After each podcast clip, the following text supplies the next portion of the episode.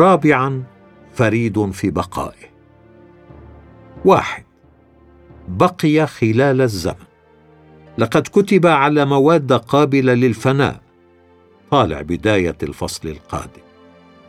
وكان يجب أن ينقل بخط اليد على مدى المئات من السنين قبل اختراع المطابع. ولكن هذا لم ينقص من أسلوبه أو صحته أو بقائه.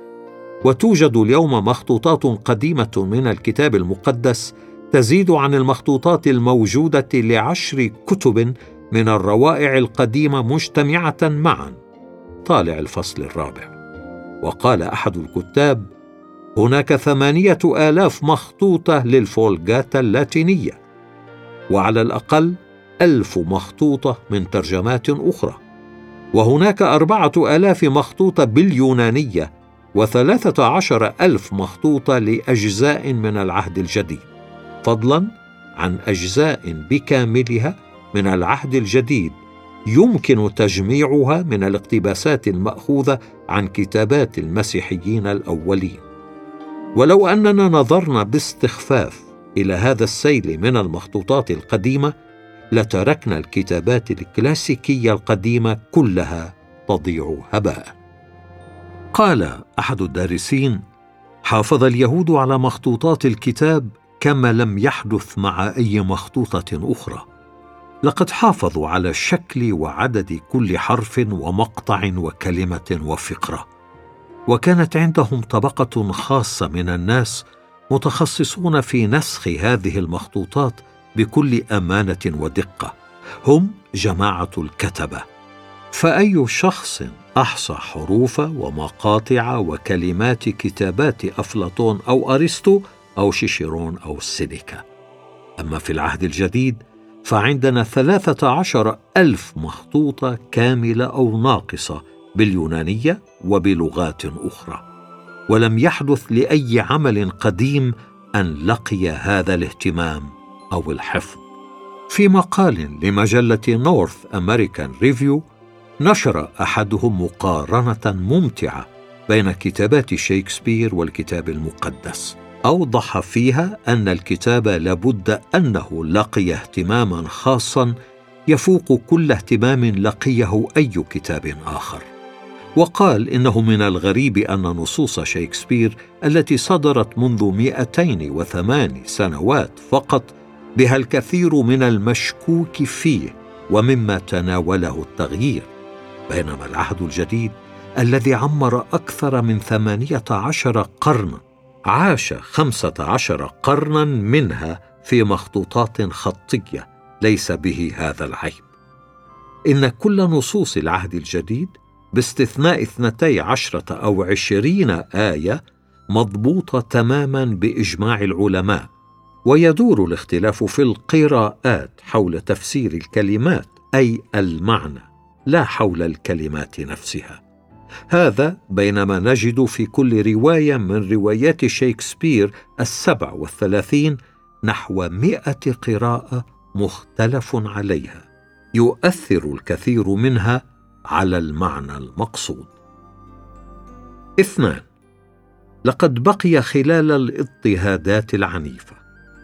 إذ لم يلق كتاب آخر مثل ما لقيه الكتاب المقدس من اضطهاد. حاول كثيرون أن يحرقوه ويمنعوه منذ أيام أباطرة الرومان حتى الحكم الشيوعي في العصر الحاضر. وقال الملحد الفرنسي المشهور فولتير توفي عام 1778 إنه بعد مئة سنة من وقته ستكون المسيحية قد انمحت وصارت تاريخا. ولكن ماذا حدث؟ لقد صار فولتير في ذمة التاريخ وزاد توزيع الكتاب المقدس في كل جزء من العالم يحمل البركة أينما وجد. فمثلا بنيت الكاتدرائية الإنجليزية في زنزبار على موقع سوق العبيد القديم ووضعت مائدة العشاء الرباني فوق البقعة التي كان العبيد يجلدون فيها. وهناك الكثير من مثل هذه الحالة. إن وضع أكتافنا في عجلة لتمنع دوران الشمس أسهل من أن نوقف توزيع الكتاب المقدس. ولم تمض خمسون سنة على وفاة فولتير حتى استعملت جمعية جنيف للكتاب المقدس مطبعته ومنزله لنشر الكتاب المقدس. في عام 303 للميلاد أصدر ديوكلتيانوس أمرا بالقضاء على المسيحية وكتابها المقدس بإحراق الكنائس والكتب المقدسة وحرمان كل مسيحي من الحقوق المدنية. ولكن الإمبراطور الذي خلفه على العرش كان قسطنطين الذي أوصى يوسابيوس بنسخ خمسين نسخة من الكتاب المقدس على نفقة الحكومة. إن الكتاب فريد في بقائه. لا يسنده في هذا البقاء إلا ما جاء فيه والإعلان الذي جاء به لأنه من عند الله. وهذا يعني أنه يقف متفردا بين كل الكتب وعلى كل باحث عن الحق أن يدرس هذا الكتاب الفريد الذي يتميز بهذه الصفات. ثلاثة بقي برغم النقد. حاول الملحدون على مدى ثمانية عشر قرنا أن يلقوا بالكتاب جانبا لكنه بقي كصخرة صامته زاد توزيعه وزاد حب الناس له. لم يؤثر فيه نقد النقاد كما لا يؤثر خبط مطرقة صغيرة في بناء الهرم. عندما حاول الملك الفرنسي أن يضطهد المسيحيين في دولته قال له محارب قديم من رجال الدولة يا سيدي إن كنيسة الله هي السندان الذي أبلى كل المطارق. ولقد حاولت مطارق كثيره إيذاء الكتاب المقدس فبليت هي وبقي هو. ولو لم يكن هذا هو كتاب الله لدمره البشر منذ زمن طويل. لقد حاول ملوك وبابوات واباطره وكهنة وأمراء وحكام أن يمدوا أيديهم إليه بالأذى فماتوا هم وبقي هو حيا. لقد أعلن بعضهم آلاف المرات موت الكتاب ورتبوا جنازته وجهزوا شاهد قبره. لكن الكتاب ظل حيا ولم يحدث أن كتابا آخر لقي كل هذه الغربلة والطعنات فأي كتاب من كتب الفلسفة أو المذكرات لقي ما لقيه الكتاب المقدس من تجريح على كل آية فيه. ولكن الكتاب المقدس بقي محبوبا من الملايين يقرأه الملايين ويدرسه الملايين لأنه يملأ احتياجات الملايين. وقد جاءت موجة ما سميت بالنقد العالي للكتاب. ولكنها سقطت الآن. قالوا مثلا إن موسى لم يكتب الأسفار الخمسة لأن الكتابه لم تكن معروفة زمن موسى. فلا بد أن الكاتب جاء بعد زمن موسى. بل إن النقاد قسموا كل آية إلى ثلاثة أجزاء وعزوا كل جزء إلى كاتب معين. وهكذا بنوا ما دعوه النقد العالي. ولكن العلم اكتشف شريعة حمورابي الذي كان سابقا لموسى وسابقا لإبراهيم ألفين قبل الميلاد فكانت الكتابة قبل موسى بثلاثة قرون على الأقل وما زال العلماء يدرسون النقد العالي ولكن باعتبار أنه نظرية خاطئة. ومضى النقاد يقولون إن أسوار اريح لم تسقط في مكانها كما ورد في يشوع الفصل السادس العدد العشرين. ولكن الحفريات برهنت صدق القصة الكتابية وقال النقاد إنه لم يكن هناك شعب اسمه الحثيون لأننا لم نجد لهم مكانا في التاريخ العالمي ولكنهم كانوا مخطئين. فقد كشفت الحفريات عن مئات الإشارات إلى الحضارة الحثية التي استمرت نحو 1200 عام. وقد قال العالم اليهودي نيلسون جاليك الذي يعد أحد أعظم ثلاثة علماء للحفريات لقد اتهموني أني أعلم بالوحي الحرفي الكامل للكتب المقدسة وأحب أن أقول إنني لم أقل هذا ولكني لم أجد في كل بحوثي في الحفريات ما يناقض أي عبارة من كلمة الله. لقد وقف الكتاب وقفة فريدة في وجه النقاد لم يثبت كتاب آخر غيره في مثل هذا الموقف كما ثبت هو. وكل من يفتش عن الحق عليه أن يدرس هذا الكتاب ليجده فوق كل نقد. خامسا فريد في تعاليمه. واحد فريد في تعاليمه النبويه قال ويلبر سميث الذي قرأ بضعة آلاف من الكتب إن هناك اتفاقا عاما على أن هذا الكتاب أعظم ما كتب خلال الخمسة آلاف سنة.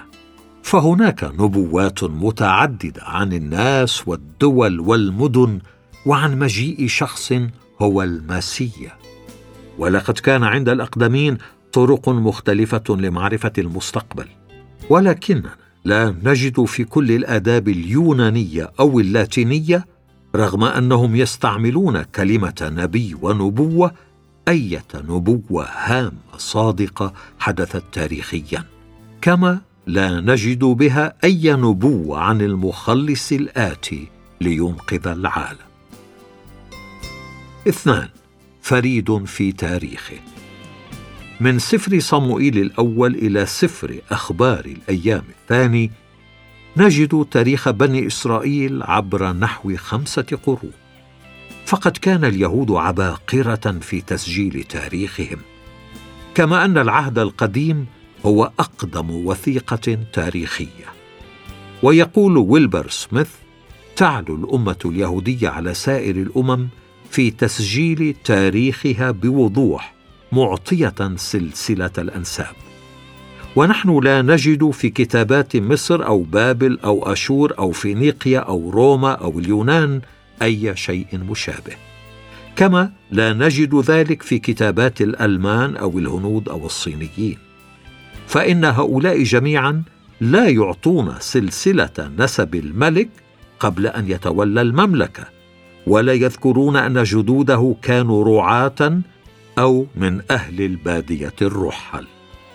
وقد ذكر الأشوريون أن حكامهم الأولين الذين لم يوردوا أي تفصيلات عن أعمالهم أو عن حياتهم كانوا من سكان الخيام ولكنهم أغفلوا ذكر من أين جاءوا. ثلاثة فريد في شخصياته. قال أحدهم عن الكتاب ليس الكتاب المقدس كتابا يقدر إنسان أن يكتبه لو شاء أو يريد أن يكتبه لو أنه قدر. ذلك أن الكتاب يذكر خطايا أبطاله وعيوبهم. اقرأ سير حياة إنسان اليوم وانظر كيف يحاول الكاتب تغطية عيوب البطل متغافلا عن النواحي الضعيفة فيه. إنهم يصورون الناس كالقديسين ولكن الكتاب المقدس لا يفعل ذلك. إنه ببساطة يذكرها كما هي. إدانة خطايا الناس التثنية الفصل التاسع العدد الرابع والعشرون. خطايا الآباء الأقدمين. تكوين الفصل الثاني عشر العدد الحادي عشر حتى الثالث عشر. الفصل التاسع والأربعين العدد الخامس حتى السابع. يسجل كتاب الأناجيل عيوبهم وعيوب الرسل. متى؟ الفصل السادس والعشرين العدد الواحد والثلاثين حتى السادس والخمسين. الفصل الثامن العدد العاشر حتى السادس والعشرين. يوحنا الفصل العاشر العدد السادس. الفصل السادس عشر العدد الثاني والثلاثين. مرقس الفصل السادس العدد اثنين وخمسين. الفصل الثامن العدد الثامن عشر.